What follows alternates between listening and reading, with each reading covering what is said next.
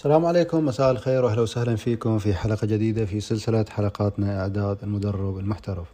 أمس تكلمنا أن إذا بدينا ننظر إلى مهارات التدريب على أنها business أو business على الأقل مستقبلي راح نحتاج في هذا الطريق إلى بناء بعض المهارات اللي تتعلق بال business. فاليوم نحب نشير إلى واحد من هذه المهارات أو من هذه العوامل المهمة اللي راح نحتاجها في طريقنا أثناء بناء business يتعلق بالتدريب. فكل business يمكن يبدأ بشخص واحد أو يبدأ ممكن بفكرة ولكن هذه الفكرة تتطور مع الوقت وتبدأ تصير أكشن على أرض الواقع أو يصير سلوك. يمكن يحمل هذا العبء شخص واحد وعادة في مهارات التدريب أو في مجال التدريب أنت هو هذا الشخص الأولي. ولكن مع الوقت ومع تطور ال business راح تحتاج إلى أشخاص مساعدين وهم اللي راح نطلق عليهم فريق العمل. فكل فريق عمل حتى يكون effective ويكون ناجح يحتاج إلى بعض العوامل أو يحتاج إلى بعض ال pillars خلينا نسميهم أو الركائز أو الأعمدة حتى ينبني فريق عمل آه، ناجح وافكتيف ولكن أحيانا هذا فريق العمل في أثناء تكونه يتعرض إلى هزات. لأن عادة فريق العمل يمر في عدة مراحل. فإذا ما كنا إحنا على وعي بهذه المراحل يمكن فريق العمل هذا ينهار في أي لحظة. خاصة لما نشوف إحنا في إحدى المراحل مرحلة عصف. فإذا ما كنا على وعي بهذه المرحلة ممكن هذا فريق العمل ينهار ويتفكك مرة ثانية. مثل مثلا لما تكلمنا عن الواحد لما يبدأ مرحلة جديدة في حياته أو يحاول يبني مهارات جديدة هذه المهارات الجديدة عادة بعد نفس الكلام تمر في آه، سلسلة أو دائرة واحدة من هذه السلسلة أن الواحد يكون سيء في مرحلة من المراحل. فعشان كذا كنا نقول إحنا في البداية الواحد يفكر على بناء عادة ومرحلة بعيدة نفكر في تطوير هذه العادة ونعمل آه، لها development ففريق العمل عادة أول ما يتكون يتكون مرحلة اسمها forming وبعدين storming بعدين norming بعدين performing فهذه المراحل الأساسية الأربعة اللي ممكن يمر عليها فريق العمل. فالمرحلة الأولى مرحلة ال forming هي المرحلة اللي يتجمع فيها فريق العمل. في البداية هذا الفريق يبدأ يتعرف على بعض يبدأ شوية مع الوقت شوية الخجل والحياة شوي يطلع.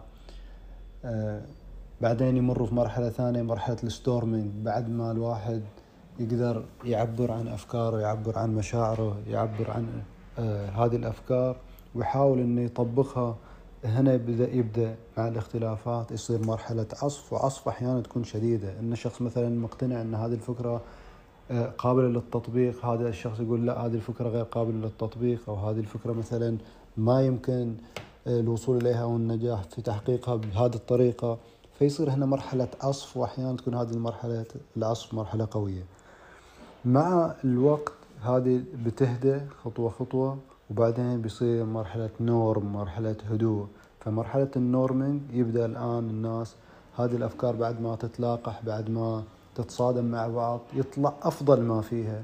وبعدين يوصل فريق العمل إلى قناعة أن أفضل هدف ممكن نحققه هو هذا الهدف وأفضل سلوك أو أفضل طريق نقدر نوصل إلى النتائج المطلوبة هو هذا السلوك المعين اللي هم راح يتفقوا عليه. لما يصير هذا الاتفاق هنا الآن هم جاهزين إلى الانتقال إلى مرحلة مرحلة رابعة وهي مرحلة البيرفورمينج أو مرحلة الإنتاج ومرحلة تحقيق النتائج. هذه أهم أربع مراحل فإحنا إذا مشينا في هذا الطريق وحاولنا وواصلنا راح وبدينا نبني فريق عمل راح نمر على هذه المراحل فخلينا واعيين إلى هذه المراحل ولما يمر أهم شيء يعني لما نمر في مرحلة الستورمينج لا نبدأ آه، نغير رأينا ونفكك فريق العمل. لا هذه مرحلة طبيعية وممكن أي فريق يمر فيها فريق عمل. فخلينا نكون واعيين أكثر آه، بهذه المراحل.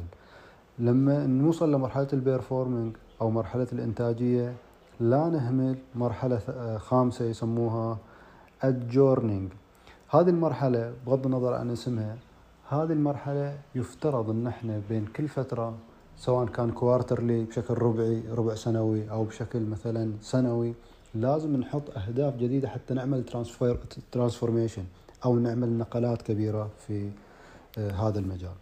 أو حتى فريق العمل ما يعني ينهار مثلا أو يتفكك من جديد لأن دائما بيكون في حاجات جديدة. زين الآن أنتم كقائد أو ك leader حتى تحافظوا على فريق العمل في بعض العوامل لابد تنتبهوا إليها حتى تقدروا آه، تبنوا فريق عمل مؤثر فعال يحقق نتائج حتى لو ما كنتم موجودين. من أسوأ فرق العمل اللي شفتها في حياتي فريق عمل أنت تكون supervisor عليه أو مشرف أو قائد وهذا فريق العمل ينتظر بس متى تطلع من المكان حتى يوقفوا ما ينتجوا. فيصير دور هذا ال supervisor أو المشرف أو ال leader إن في مرحلة قلق إن هذا فريق العمل غير فعال ودائما أحتاج إن أنا أتابعه وبشكل دقيق. حتى لو طلعت إجازة ما أرتاح في إجازتي لأن دائما أنا أعرف فريق العمل هذا فريق غير منتج ما دام ال supervisor مو موجود. طيب كيف أقدر أنتقل أنا؟ كيف أقدر أوصل إلى فريق عمل منتج حتى لو ما كنت أنا موجود؟ في كتاب يتكلم عن هذا الكلام هو مبني على research أو دراسة آه، حق شخص اسمه هورسجر أو ديفيد هورسجر يتكلم فيه عن ال eight pillars of building trust الكتاب اسمه The Trust Edge أو على حافة الثقة ممكن يعني كترجمة تصير فيتكلم يقول في ثمان أعمدة أو ثمان ركائز أساسية إذا قدرنا نحققها راح نوصل إلى فريق العمل المنتج اللي ما يحتاج متابعة أو انه ما يحتاج إن أنا ألاحقه حتى آه، أو أطارده حتى ينتج وينجز. طبعا هذه العوامل كلها تصب في بناء الثقة. يعتقد هذا هورسجر وهذا شيء يمكن common sense أو واضح بالنسبة لنا. إذا في trust إذا في ثقة متبادلة في فريق العمل هذا فريق العمل بيبدأ يكون منتج. ففريق العمل حتى نبدأ ال trust واحد من هذه العوامل عامل ال clarity أو عامل الوضوح. فريق العمل حتى يكون منتج لابد يكون عنده أهداف واضحة. مو معقول إن إحنا نبغى ننتج وعندنا أهداف مي واضحة أو أهداف مشتتة. كل واحد قاعد يسعى ويتحرك باتجاه مختلف عن اتجاه الشخص الثاني في فريق العمل. هذا يضر بفريق العمل ويشتت المجهودات. فالوضوح هذه واحدة من الأمور. نقطة ثانية أو ركيزة ثانية ركيزة ال compassion أو التعاطف والاهتمام. أكيد يعني إحنا لما نشتغل يا شخص مهتم يهتم فينا غير لما نشتغل مع شخص ما عنده اهتمام إلا في نفسه عنده حب الأنا وحب الذات وما يهتم في أحد بس يبغى نتائج وما يهمه هذول الناس هل عندهم ظروف ما عندهم ظروف هل هم عندهم مثلا يواجهوا صعوبات أو عقبات. فحتى نحافظ على فريق العمل لازم يكون عندنا هذه الروح روح من التعاطف روح الاهتمام بالناس بفريق العمل اللي نشتغل وياه الركيزة الثالثة ركيزة الكاركتر. لازم يكون عندنا إحنا شخصية تهتم بعمل الصح عمل الصواب. مو الأسهل. يعني مو لأن أنا هذا السلوك أسهل أو هذه النتائج أسهل. الركيزة الرابعة هي ركيزة الكفاءة. فالناس عادة تتبع الشخص الخبير الشخص اللي عنده كفاءة عالية في مجال عمله. ف... وهذا شيء واضح لما نشوف مثلا على مستوى الأطباء يكون عادة واضح لما الواحد مثلا عنده حالة صحية معينة والناس تعرف أن علاج هذه الحالة الصعبة عند شخص معين أو طبيب معين قادر وكفو وعنده history نظيف أنه قادر على أداء هذا العمل. وهم كذلك بالنسبة لل business الشركات مثلا آه، كمثال آخر يوظفوا هذين الأشخاص اللي يعتبروا leaders اللي عندهم history و background يبين كفاءتهم في إدارة الأعمال واداره ال business. فإحنا في مجال التدريب إذا كنا نحاول نبني فريق عمل لابد أول نبني أنفسنا في البداية قبل لا نحاول نبني الآخرين. فالواحد يبدأ بنفسه وبعدين يحاول آه، يبدأ يجمع له فريق عمل. وهذا يتطلب منا التزام أكثر بأداء التمرينات والتدريبات. الركيزة الخامسة هي ركيزة الالتزام. عادة الناس يتبعوا الشخص الملتزم وعنده إصرار ومثابرة ونفس طويل نسميه إحنا في الإصرار على النجاح في مجال معين. الشخص اللي يتنقل من مجال إلى مجال ويحاول أنه كل ما واجهت عقبات يغير اتجاهه عادة الناس ما يتبعوا ليش؟ لأنه يعرفوا من ال history إن هذا ما راح يصبر وما راح يحقق النتائج. وعادة النتائج ما تجي على المدى القصير. عادة النتائج الكبيرة تجي على المدى البعيد. ونتيجة شغل متواصل. فلا بد إن إحنا يكون عندنا هذه الملكة أو هذه الركيزة حتى نقدر نبني فريق عمل ممتاز. الركيزة السادسة هي ركيزة ال connection أو ركيزة الإتصال.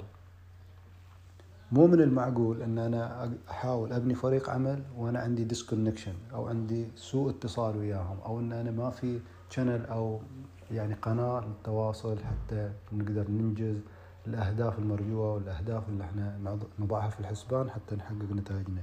فالاتصال مهم جدا والاتصال يجي بعده أشكال سواء اتصال لفظي أو مكتوب أو مقروء أو آه، صوتي أو مباشر ففي عدة أنواع من الاتصالات أو التواصل بين الناس وإحنا كل ما قدرنا نبني مهارات التواصل أكثر كل ما قدرنا بشكل أو بآخر إن إحنا نحافظ على فريق العمل ونبنيه أكثر فأكثر.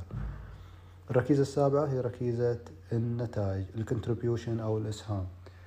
عادة الناس يتبعوا الشخص اللي آه، نتائجه واضحة، يعني إذا أنا مثلا على سبيل المثال مجال بعيد عن التدريب لو أنا كنت مزارع على سبيل المثال وقاعد أنتج من ثمرة معينة عندي هذه الثمرة المعينة أو الشجرة المعينة قاعد أثمر قاعد أنتج منها أنا وبشكل سنوي فلما أجي أنا أبغى أبني فريق عمل حتى يزيدوا الإنتاج حتى لو ما كانت كفاءة هذا الفريق يعني كفاءة عالية عندهم استعداد بيكون راح يكون عندهم استعداد إنهم يتبعوني لأن أنا متمكن ونتائجي واضحة للعيان. فإذا كان أنا شخص من هذه النوعية راح يسهل على فريق العمل آه، اتباعي وبناء الثقة. فالثقة تلحق النتائج أو تتبع النتائج اللي دائما الواحد يحصلها. آه، في النهاية الكونسستنسي أو خلينا نسميها الاستمرارية. مستحيل أن أحد يقدر يحقق نتائج عالية نتائج كبيرة من خلال ضربة واحدة أو من خلال أكشن واحد أو من سلوك واحد. عادة يقولوا النجاح journey. ما هو an instant ما هي خطوة واحدة. النجاح رحلة. هذه الرحلة تاخذ يعني فترة طويلة من حياتك. فعشان كذا أغلب آه، كتب النجاح تتكلم إن الواحد قبل لا يبدأ رحلته يحاول يكتشف ال passion الشغف حقه. فأنا إذا اكتشفت الشغف مالي فما راح يصير عندي آه، يعني تشتت. لأن هذا الشيء أنا احبه فسواء كنت أنا واعي أو ما أنا واعي ملاحظ ما أنا ملاحظ أنا دائما أشغل وقتي في هذا المجال. مجرد أن أنا أحصل أي وقت فراغ أتوجه له يعني إذا أنا مثلا أحب الرسم على سبيل المثال فما يحتاج واحد يذكرني تعال ارسم رسمة معينة. أنا دائما بكون عندي شغف وعندي رغبة وحالة إن أنا أتعلم وأنمو وأجرب. إذا أنا مثلا شخص مصمم فأنا راح ألقى نفسي في هذا المجال وأتحرك ودائما في حالة من محاولة النمو.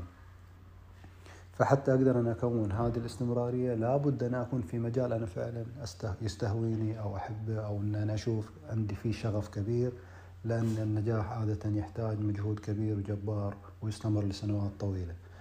ففي النهاية نبغى نقول إن إحنا واحدة من ركائز النجاح ومن عوامل النجاح اللي تخلينا نقدر نكبر في المستقبل سواء كان في مجال التدريب أو في أي مجال ثاني إن إحنا نبني الثقة وهذه الثقة أو نبني فريق العمل وفريق العمل يحتاج الثقة والثقة نقدر نبنيها من خلال هذه الركائز الثمانية اللي ذكرناها.